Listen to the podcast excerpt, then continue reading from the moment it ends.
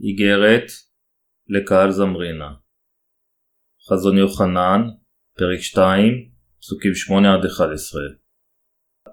ואל מלאך קהל זמרינה כתוב, כה אמר הראשון והאחרון אשר מת ויחי, ידעתי את מעשיך ואת צרתך, ואת רשך, ואולם עשיר אתה, ואת גידוף, האומרים יהודים אנחנו, ואינם, כי אם כנסיית השטן.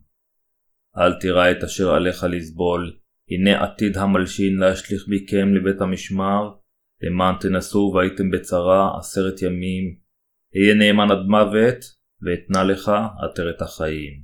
מי אשר אוזן לו, ישמע, את אשר הרוח אומר לקהילות, המנצח לא ינזק, במוות השני. פרשנות פסוק 8 ואל מלאך קהל זמרינה כתוב, כה אמר הראשון והאחרון, אשר מת ויחי. כנסיית זמרינה נוסדה כאשר פאולוס שירת בקהילת אפסוס. על פי הקטע שלעיל, חברי הכנסייה הזו היו עניים אשר בגלל אמונתם עוררו איבה מצד היהודים בקהילתם. עד כמה כנסייה זו נרדפה על ידי אלוהים, ניתן לראות על ידי מות הקדושים של פוליקרפ, משגיח בתקופת כנסיית האב. הקדושים של הכנסייה הקדומה עמדו בפני רדיפה מתמדת מצד המאמינים היהודים אשר דחו את ישוע כמשיחם. כנסיית זמירנא נוסדה על ידי פאולוס השליח. בראשון ואחרון אשר מת ויחי, יוחנן מתכוון לאלוהים, אשר יצר את היקום. אדוננו נולד ממרים הבתולה, לקח את חטאי העולם באמצעות טבילתו על ידי יוחנן, ונשפט על חטאים אלה בדימומו על הצלב. לאחר מכן הוא קם לתחייה מן המתים תוך שלושה ימים, ועתה הוא יושב לימינו של אלוהים. ישוע דיבר אל מלאך כנסיית האלוהים לא רק כמושיענו, אלא גם כאלוהים הכל יכול. פסוק 9 ידעתי את מעשיך ואת צרתך ואת רשך, ואולם עשיר אתה, ואת גידוף, האומרים יהודים אנחנו, ואינם, כי אם כנסיית השטן.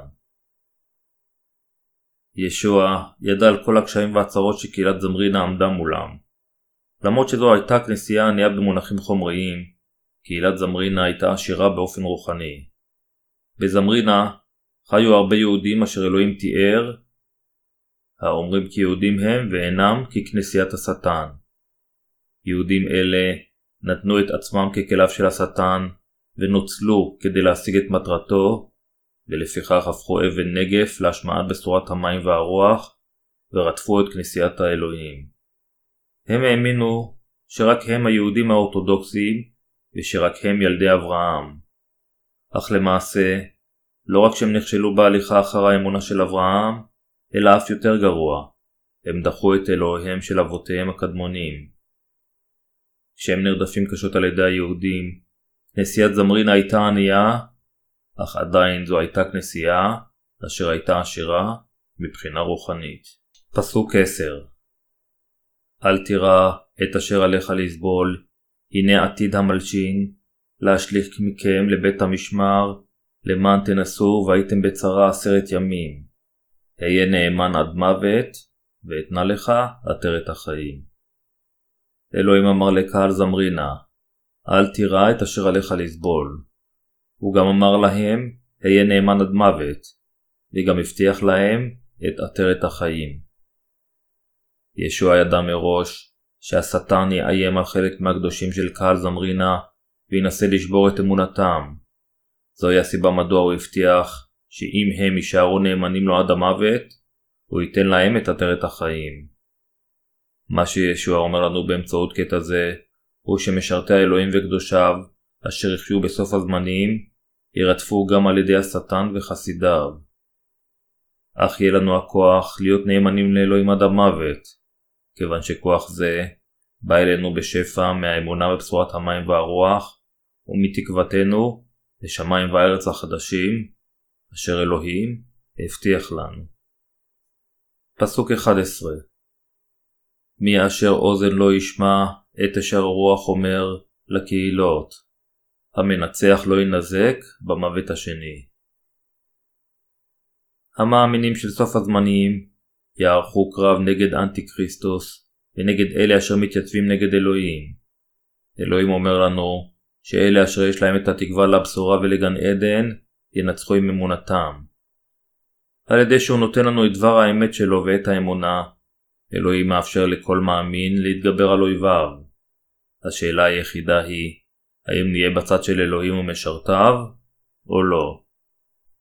אל הרומים פרק 8, פסוק 18 אומר לנו אשר עינויי הזמן אינם שקולים כנגד הכבוד העתיד להיגלות עלינו.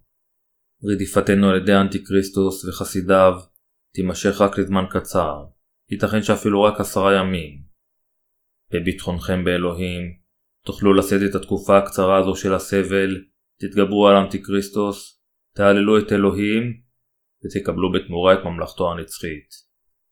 אלוהים נותן לקדושיו את הכוח לנצח במאבק נגד אנטי כריסטוס.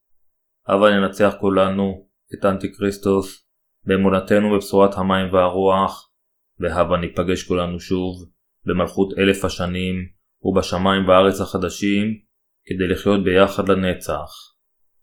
המוות הראשון הוא המוות הפיזי, בעוד המוות השני הוא המוות הרוחני של עונש נצחי בגיהנום. לקדושים יש את מות הקדושים שלהם, מותם הפיזי, אך אין להם מוות רוחני. אני מודה לאלוהים, על שנתן את הכבוד והתהילה של מות הקדושים, לנו המאמינים בסוף הזמנים האלו, כפי שהוא נתן את מות הקדושים לכנסייה הקדומה.